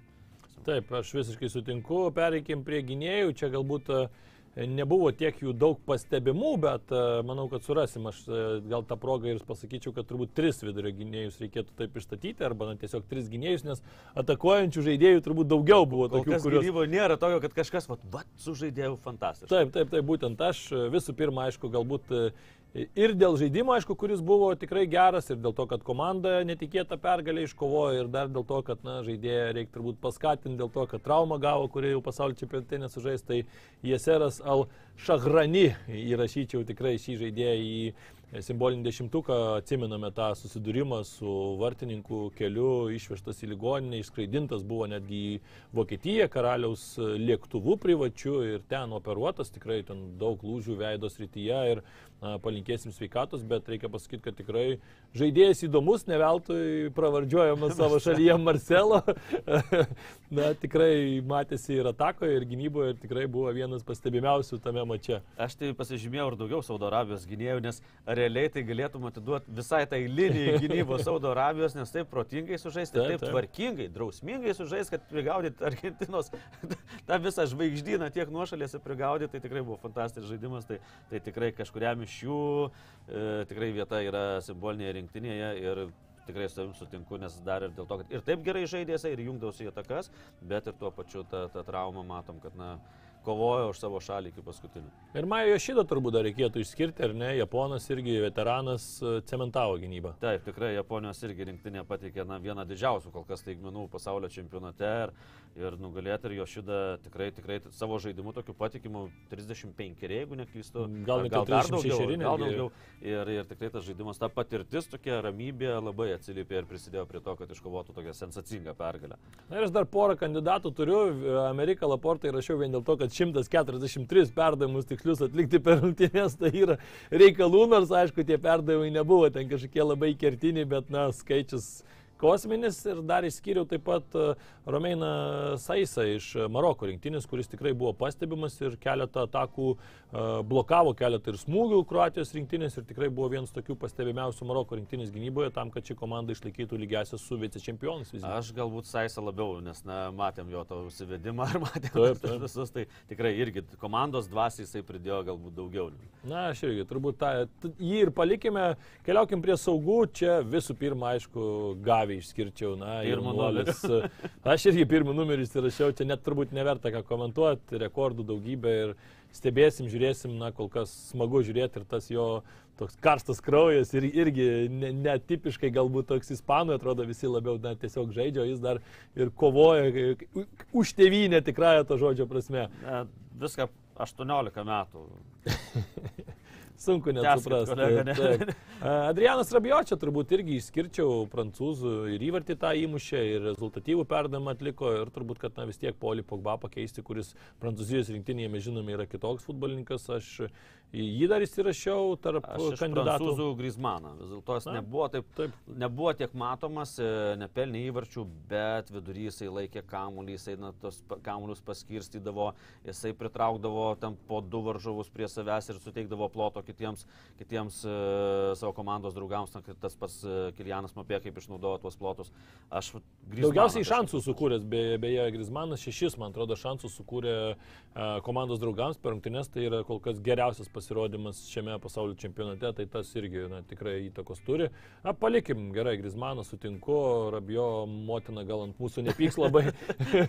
Džudas Belling- Džudas Bellingiamas, aišku, čia irgi turi būti, įmušė tą kertinį įvartį ir čia turbūt daug nediskutuosim. Na ir taip pat dar įrašiau a, Salemą Aldasaurį, fantastiškas įvartis ir aišku, kad a, Saudo Arabijos rinktinis lyderis, kurį išskyrėm prieš šį mačą, nesitikėjom, kad a, jisai tiek išsiskirs ir tiek visa komanda išsiskirs, bet na, šį kartą, sakyčiau, tikrai irgi Ir vertas. a, to fantastiškas įvartis, pas mane irgi ketvirtų numerių, mes ketvirtų nuo manęs nusižiūrėjo ir aš. Bet reikia sakyti, kad žiūrovams, kad tikrai nesitarėm, Tikrai sakėm, kad čia nesitarėm, kad- gyvai taip išrinksim ir kol kas Nes- sekasi gerai. Nes kai tu tokį įmušį įvartį Argentinai, tai, na, žinant, mentalitetą pietų amerikiečių, tu realiai ir nužudai tu juos. Ir man dar tik tai aš tarp kandidatų buvau Ritsudoną iš e, Japono, buvau taip. įsirašęs, nes užteko keturių minučių.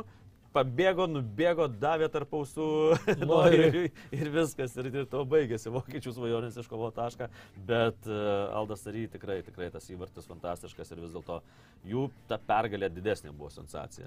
Taip, ir tris polėjus e, reikia išrinkti, aš įsirašiau keturis, e, pasakysiu juos. Aš ir Tu pasakysi savo ir tada kažką vieną išmesim. Tai aš įsirašiau Richarlisoną, Olivier Ne. Žirų, Enerį Valenciją ir Bukajo Saka. Aš įsirašiau ir Čarlstoną, tai čia jau na, čia be jokios Tikrai abejonės, taip. čia tikrai kapuera, grožis, visas e, čempionato kol kas tikrai gražiausias įvartis. E, Saka, aš irgi įsirašiau ir taip, na, neabijotinai, bet aš įrašiau dar e, Valenciją, bet ir Kilianą Bapė įrašiau, nes, na, ką jisai tam krašte. Mbappé dar, dar sulauks savo Nes- aš manau. Žinai, e, Valencija gali jau daugiau dviejų įvarčių neįmušti. ir vis tiek tai yra atidarimo rungtynės, pirmieji įvarčiai pasaulio čempionate. Aš irgi labiau, žinai, kaip protas sako Mbappé, bet širdis sako Valencija. Už Tai, kad, na, taip, pirmos rungtynės labiau įsimena ir tai žaidėjas, iš kurio niekas nesitikėjo. Ir ką pasakė Taip, taip. treneris, Jau Ekvadoras. ir nurašytas netgi Sako, buvo. sako, visi net ir pyko, kodėl šį įmam, bet sako, dabar va pamatė, dėl ko mes jį paėmėm į rinktinę. Reiškia, gali. O iš Mbappé tokio žaidimo ir tikėtasi. Tai skiriam tam, kuris labiau nustebino, tai yra Valencija. Tikrai taip, tai Valencija, Saka ir Išarlisoną paliekame. Toks mūsų vienuoliktukas, na, treneris. Treneris. Ir Verenaras, turbūt čia jau be konkurencijos. Ir dar Dar tos asistento Japonijos rinktinės trenerių pasijungti. Tai būtų Ir tos štabas. Galėtų, jeigu Japonijos rinktinis treneris mokėtų Saudo Ara- Arabų kalbą, nes e, matėm tos ir vaizdelius, kurie paskui paplito, kaip jisai motivuoja savo žaidėjus ir ten daug kas irgi atkreipė dėmesį, kad sako, na, treneris kaip treneris, bet sako, vertėjas irgi šaunuolis labai taip, na, kaip treneris kalba, taip vertėjas ir išverčia tokia pačia intonacija, o ne tai, kad, žinai, Treneris ten emociškai, o vertėjas, bam, bam, bam, bam, bam, ne, taip irgi su visa emocija, su tokiu charakteriu, tai labai labai Bet išaiškingai. Renaro ta frazė dabar jau sklando, kad na, per pertrauką jisai sako, sako, iš ties viduryje tu pasimk tą mesį, sako, pasimtų. Tai sako, dar įsineškit telefonų, sako, ir pradėkit selfiukus daryti su juo. Tiesiog visi tai maždaug, uh, uh, nu tai vad pažadino maždaug. Jo, jo, ir tikrųjų, sako, aš man reikia 10 minučių iš jūsų, 10 minučių, kaip matėm, 5 Sako, užteko. Matot, prastai žaidžia, tai eikit ir žaiskit su jais. Na, tikrai, treneris užvedė taip komandą, kad, na, sensacija kol kas didžiausia pasaulio čempionate. Nu, tikrai taip, įspūdingas buvo šis, šis e, Saudo Arabijos pasirodymas, žiūrėsime, kaip jiems seksis toliau. Toks buvo mūsų vienuoliktukas, dar viena trumpa reklama ir sugrįšime į mūsų laidą. Bet safe kazino. Lošimo automatai, kortų lošimai, ruletė. Dalyvavimas azartiniuose lošimuose gali sukelti priklausomybę.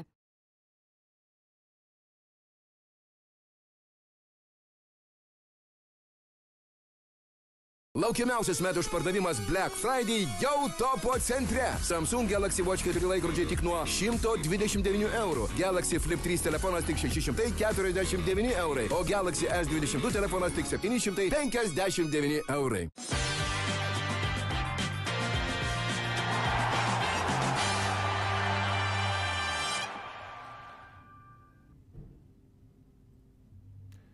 Keliaujame į šiandienos mačius, kurie vėl bus keturi ir jau prasidės pirmasis visiškai netrukus. Pradėkime nuo galbūt Anglijos, Junktinio Amerikos valstijų, toks turbūt, kad e, vakarinis ir toks desertas. Taip, taip, toks desertinis mačas ir be abejo, na, žinome, kad ir padėkos diena jau čia yra visiškai ne už kalnų Junktinėse Amerikos valstijose, tai ir daug tų visokių e, yra kalbų, kad čia amerikiečiai galbūt, amerikiečiais būtų didžiulė šventė laimėti prieš Angliją, aišku, laimėti tikrai bus sunku. E, daug prieš šias rungtynės buvo kalbama Anglijoje apie Harry Keino traumą, kad buvo susižeidęs jisai Na, pradžioje buvo kalbėta apie čiurną, paskui, paskui buvo labiau kalbėta tai, kad tiesiog pėdos ten kažkokia tai trauma sutrenkimas, bet uh, atlikti tyrimai nieko blogo lyg ir neparodė ir, na, spėjama, kad turėtų žaisti jisai startinėje sudėtyje. Na, bus įdomios rungtynės, nes vis dėlto Anglina pradėjo įspūdingai labai pasaulio čempionatą, bet dabar varžovas visai kitoks ir matėme, amerikiečiai tikrai gan įdomiai žaidžia, daug perdavimų, daug laiko kamulį. Tai pažiūrėsim, kas, kas bus dėkingesni prieš tą padėkos dieną ir ka- kas daugiau kontroliuos tą kamulį, o varžovam neleis su juo žaisti. Ir man labai prieš šias rungtynės patiko Jamie Carragherio, buvusio e, Anglijos rinktinės futbolininko pasakymas, kad sako, ši komanda dabartinė pasiekė daug daugiau negu mes, nes sako, mes buvom toks e, kratinys gerų individualiai futbolininkų, kaip sako, na, e, Rio Ferdinandas, Jonas Terry gynyboje, Lampardas su, su Gerardu viduryje, bet sako, mes, sako, nesusilibdydom kaip komanda. O čia, sako, jie gal nėra tokie ryškus, kaip žvaigždės, kaip individualiai, bet, sako, jie susilibdė komandą ir, sako, matom, ką pasiekė tiek Europos čempionate, tiek ir praėjusiam pasaulio čempionate, sako, pa- pasiekė pusfinalius, sako, mes to nepadarėm. Tai va šitą rinktinę, sako, tikrai gali vadintis auksinė karta, nes, sako, mes gal nelabai nusipelnėm tokio požiūrio, tai tikrai tie anglai, vat, įdomu, ar jie įrodys tai, kad ta auksinė karta yra ir vėl taip toliais kaip ir praėjusios Europos ir pasaulio čempionatuose. Na, taip, amerikiečiai pirmąjį mačą su Velsu sužaidė lygiosiamis, daug kalbų, aišku, buvo apie Gio Reiną ir daug kalbų tų tęsiasi už Atlanto, nes na, labai keista daugam, kad nežaidė šis žaidėjas, taip pat e, kažkiek buvo nustebę ir Junktinių Amerikos valstybių žurnalistai, kad Aronsonas e, tik tai nuo suolo kilo, nes na, tai irgi žaidėjas žaidžiantis Anglijoje, Lyce ir tikrai labai gerą sezoną žaidžiantis Anglijos Premier lygoje. Manau, kad prieš Anglijos rinktinę turbūt, kad gali būti jisai mestas, nes na, būtent žaidžia tą tokį tame katile ar ne toje, e, toje vietoje, kur, kur ir žaidžia dauguma anglų, išskyrus Žydą Belingiamą, kuris žaidžia Vokietijoje. Ir faktas, kad fut- tas futbolas jam yra pažįstamas. Na, bet apie Gio Reiną Berhalteris, komandos treneris, e, pasakė, kad tai buvo trenerio sprendimas, nors daug kas galbūt e, galvojo, kad e, galbūt dar nėra fiziškai atsistatęs ir, na, taip spėliojama, kad gal yra ir ten kažkoks konfliktėlis ar, ar, ar tokie įvairūs niuansai, na, sakykime, taip diskutuojami yra, bet na, tai yra žaidėjas, kuris, mano nuomonė, tikrai labai smarkiai turėtų pridėti Junktinių Amerikos valstybių komandą, jeigu jis galės žaisti, jeigu jis bus toks, koks kaip e, geriausią savo formą demonstruoja Dortmundo Borusijoje. Na ir aišku, Tyleris Adamsas taip pat labai svarbi figūra, e, Junktinių Amerikos valstybių rinktinės kapitonas, e, aikštės viduryje žaidžia jisai, nors labai jaunas futbolininkas, bet tikrai irgi pripratęs jau žaisti Anglijoje, pusę sezono lyce. Tai manau, kad bus įdomi ir jo dvikova galbūt ir su tuo pačiu Belingimu, su kitais Anglijos rinktinės vidurio saugais. Ir čia bus tikrai įdomus mačas. Kitas įdomus mačas bus šioje grupėje taip pat. Velsas Iranas. Iranas turbūt labai norės Pats parodyti, kad pirmasis šiandien 12 val. už Taip, 20 taip. minučių. Ir Iranas tikrai turbūt norės parodyti, kad jie nėra tokia komanda, kurią anglai ten tiesiog, nu, į kurią anglai tiesiog kojas nusivalė, ten ką norėjo, tą darė iš esmės. Ir e, faktas, kad Iranas tikrai, aš manau, yra pakankamai konkurencingas e, varžytis su Velsu ir su Junktinių Amerikos valstybių komandomis, kurios tikrai nėra irgi tarp kažkokių favoričių priskiriamos. Įdomu bus žiūrėti, kaip Velsas sureaguos, nes tarkim, Kiferis Moras ar ne antrame kelnyje pasirodęs e, visiškai pakeitė, atrodo, Velso tą žaidimą komfortiškiau jautėsi komanda su tuo tokiu tikru devintuoju numeriu polėjų ir aš spėčiau, kad turbūt turėtų jisai žaisti startinėje sudėtyje. Ir taip pat, aišku, daug kalbų apie tai, kad, na, Garetas Beilas tai yra žmogus, kuris gal irgi jau ne pačioje geriausiai sportinėje formoje, na, bet tai žmogus, kuris padaro reikia. darbą, ar ne? Taip, na, vėl su labai svarbios rungtynės, vis dėlto jie nori, nori kovoti dėl šeimų iš, iš grupės, tai čia būtina pergalė, nes, nes, nes nu, su anglais bus trigubai ir dešimtgubai sunkiau, tai Iraną jam tikrai turi e, nugalėti. Na ir A grupės dviejos rungtynės, e, Kataras Senegalas 15 val. Na, net nežinau, ko čia tikėtis, jeigu bus toks pats vaizdas kaip ir atidarimo rungtynėse iš Kataro, tai aš nežinau, gal visas rungtynės žiūrėjau nuo iki, bet išjungsiu televizorių po pirmo kėlinio, jeigu Kataras taip žais kaip, kaip pirmose rungtynėse. Ne, ne mano nervam, jau netokiuose metuose žiūrėtų. E, taip, žūtbūtinis- Tai tikiuosi, kad šeimininkai na, pasitempė per šitas kelias dienas. Na, turėtų, aš manau, žudbutinis toksai mūšis vis tiek, tai yra jau abi komandos pralaimėjusios, jiems reikia taškų, aišku, Senegalas bus irgi užsivedę, manau, tikrai komanda, kuri neblogą futbolą žaidė su Niderlandais. Na, aišku, tuo pačiu Senegalas turbūt po truputį gali pratintis jau su žaisti be mane, tai yra, na, po truputį kiekviename mače apsišlifuoti, galbūt rasti tos kitus kelius varžovų vartų link. Na, o Kataras, aišku, kaip ir sakėjai, smarkiai nuvylė, bet manau, kad irgi norės parodyti visai kitokį savo veidą. Niderlandai Ekvadoras, abi komandos po pergalės ir čia gali būti toks pakankamai saugus mačas, nes abiems kaip ir lygiosios gali visai būti neblogas rezultatas. Po tašką pasiimi, turi keturis taškus ir jau ten paskutiniam mače, tarkim, Niderlandai žino, kad žais su Kroatai, su e, Kataru, tai jiems kaip ir na, spyriotis galbūt ir čia draskytis ypatingai nereikia ir jie ir pirmame mače, nes nesakyčiau, kad labai taip aktyviai žaidė, e, pasikeitė gal žaidimas tik antrajame kelinyje, tai pasižiūrėsim. Įdomu bus pamatyti ir Ekvadoro tos tokios rimtos komandos fone, ar ne, ką gali ta komanda, nes kol kas, jeigu lygintumėm, na, žiūrėtumėm tas rungtynės su Kataru, tai nuspręsti tos, tik, to tikrojo pajėgumo mes negalim, bet Ekvadoras, žinom, Pietų Amerikos toje atrankos grupėje žaidė labai gerai, bet vėl ten didžiąją dalį taškų susirinko pas save namie, kur visai kitokiamis sąlygomis aukštai virš jūros lygio yra žaidžiama. Tikrai visai kitoks varžovas Ekvadorui tenka dabar, bet man atrodo, kad jie labai žvalgysis į tas rungtynės, kur prieš juos bus, nes 15 val. Kataras su. Senegalo rinktinė žaidžia 18 val. tik žais Niderlandai su Ekvadoru, tai tikrai jeigu ten, pavyzdžiui, Kataras na, atims taškus iš Senegalo, tai man atrodo, kad ten abi rinktinės bus patenkintos lygiosiam ir gali taip, na, nebūtų irgi gražus žaidimas, bet nemanau, kad Niderlandai ten bandys ieškoti lygiųjų, tikrai eis link pergalės, tas pats Ekvadoras irgi na, pavojingai gali kontratakuoti ir, ir, ir tokios rungtynės bus, nemanau, kad bus daug įvarčių, bet dar kartą palinkėsiu, kad tik nebūtų nulinių lygių, nes tikrai kartais žiūri, žiūri ir kita pradedant nuo kokios ten 75-78 minutės jau pradeda abi komandos saugo tą nulį ir mažiau skiria dėmesio puolimui. E, Bet safe dienos herojai, juos dabar išrinksime. Pradžioje norėjau Richarlisonui duoti šį titulą, bet jau labai daug mes apie jį kalbėjom. Tai aš šį kartą duosiu Lui Vangalui. Vienas iš žurnalistų, jaunų žurnalistų, e, pa- paėmė mikrofoną ir taip laukia jau e, legendinis Niderlandų treneris klausimo iš jo, bet šis pasakė, kad neturiu aš jums jokio klausimo, noriu tiesiog pasakyti, kad esu jūsų fanas ten nuo kelių metų, tai tiesiog norėjau jums tai perduoti ir Lui Vangalas šaunuolis atsistojo prie, prie žurnalisto, apkabino, pakalbėjo kartu, na tikrai labai gražus toksai poelgis iš trenerio ir, na, pasaulio čempionatas yra ne vien tik apie futbolą, pasaulio čempionatas yra ir apie tokius, vat, mažus, bet tuo pačiu ir didelius dalykus šalia aikšties. Na, aš vis dėlto Richarlisonui duodu Bet Save herojaus tą titulą, nes, na, e, dar atkreipindėmės į tai, kaip, na, visas rungtynės komentatoriai taip drožia jį, taip drožia, taip drožia, tai nepriima kamulio, taip Bet perdavė. žaidė prastai, iki įvarčių reikia pasakyti. Ir tik bum vienas, bum antras. Ir užtildė visus kritikus. Tai Ir raudona kortelė komentatoriams, jei bus. Ne, neduosiu raudonos kortelės komentatoriams, kaip dievė. Per praeitą Europos čempionatą man atrodo kartą daviau, kaip vartininkas, na, labai, kaip sakant, nurašė, bet šį kartą ne, nes tikrai gera kokybė, malonu klausyti ir, ir, ir tikrai, bet, bet, bet šitą vietą tai man labai strigo, nes, na, tai viską sutinku, bet, na, labai, va, taip, ir vieną tarkavo, tarkavo komentatoriai, vieną žaidėją, o tas paėmė, išgirdo matyti. Sako, čia, čia per pertrauką, sako, LRT buvus, jungia, sako, šito, varo ant tavęs. Tai- Daryk kažką.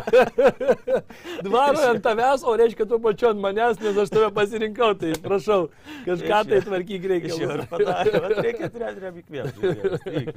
Na ir pabaigai raudona kortelė, čia su manim tu nesutiksi, aš tai Ismailui Elfatai duosiu už tą baudinį vis tiek, man ten nėra baudinio toj situacijai ir arba jis bent jau toks labai pigus ir man e, dar ir dėl to duosiu, kad numušė šiek tiek tą, norėjusi, kad Ronaldo įmuštų, norėjusi, kad dar tą rekordą pagerintų ir va, tokia tą vaibą, taip dabar įsireiškim, kaip šiuolaikiškai mėgstama sakyti, šiek tiek numušė tas arbitras su, ta, su tuo baudiniu ir su tokiu įvarčiu norėjusi, kad Ronaldo įmuštų kitokį, bet aišku, pats kaltas reikėjo ten rungtynių pradžioje, proga fantastiška turėjo įmušti ir, ir būtų viskas kitaip. Tai raudona kortelė šį kartą arbitrui, tu praeitą kartą davai kolinui, aš teisiu tą tradiciją.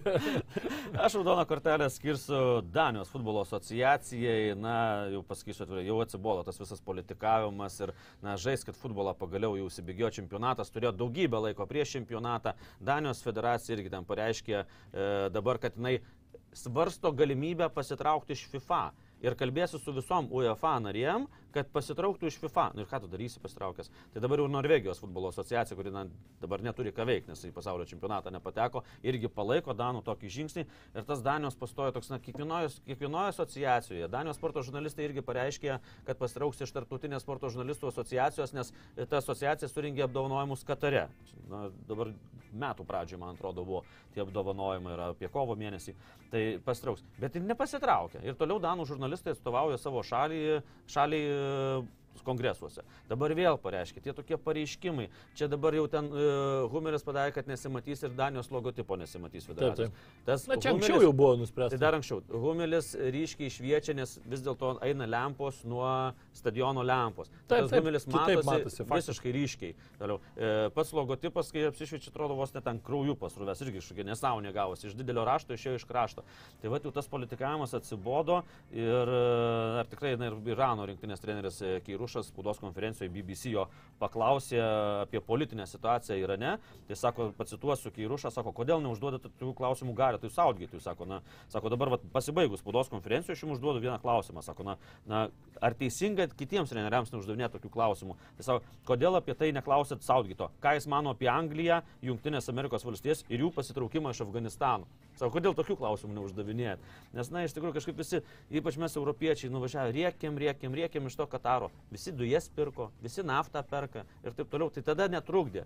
Dabar jau kažkaip dėl tų Dėl, stadionų. to Dan, dėl tos Danijos tai dar žinai, ten yra tie niuansai, kad jau čia seniau buvo prasidėjęs tas FIFA ir UEFA karas, ten FIFA norėjo ten savo įvairiausius ten pasaulio čempionatus daryti, ten e, tarp klubų ten žaisti, ten dar visokių ten ti- tikslų ir ten žaidėjai pasakė, kad e, UEFA tikrai nenori tų dalykų ir, ir jeigu čia taip vyks, tai, tai UEFA pasitrauks iš vis ir mes žinom, kad, na, įsivaizduok dabar, okei, okay, yra Brazilai, yra Argentina, taip toliau išeitų Europos komandos, susikurtų Europą. UEFA turi čempionų lygą, turi Europos Niekur čempionatą. jos neišeis, Na, tai gal ir neišeis. neišeis, bet aš Bet turiu tas- menį, jeigu išeitų, tai FIFA vis tiek labiau bijo. UEFA tai yra, va, jie sėdi.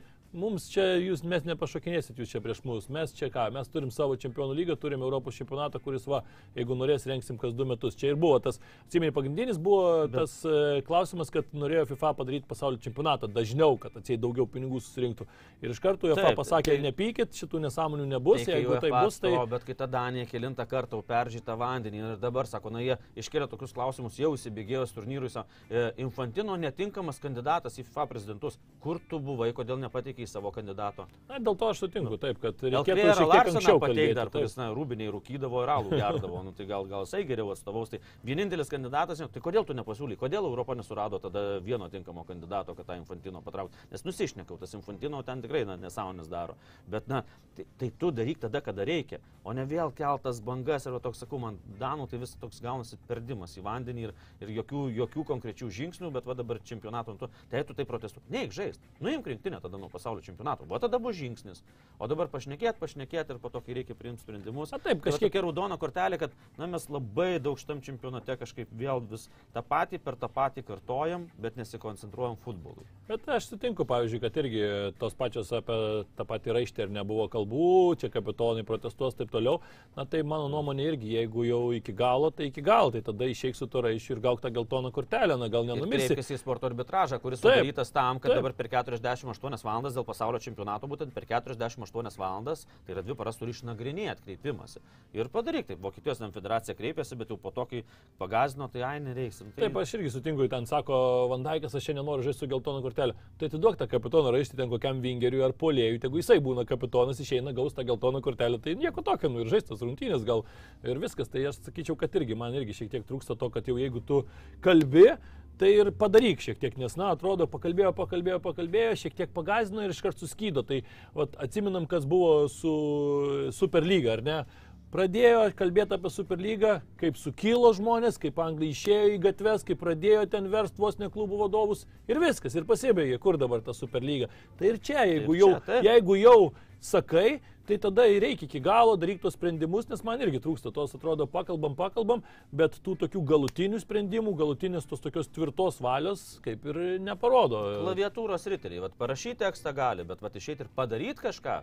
Tai vat, vat dėl to raudona kortelė ir yra, kad na, tik tai kalba, kalba, bet nieko nedaro. Na, o mes irgi jau per daug užsikalbėjom šį kartą, nes jau futbolas, Lekiam žiūrėti futbolą. futbolas ant nosies prasidės už kelių minučių, tai gražaus visiems futbolo šiandieną ir susitiksime laidoje rytoj. Iki. Gražaus futbolo, mažiau nulinių lygių jau ir iki. Bet safe kazino. Lošimo automatai, kortų lošimai, ruletė. Dalyvavimas azartiniuose lošimuose gali sukelti priklausomybę.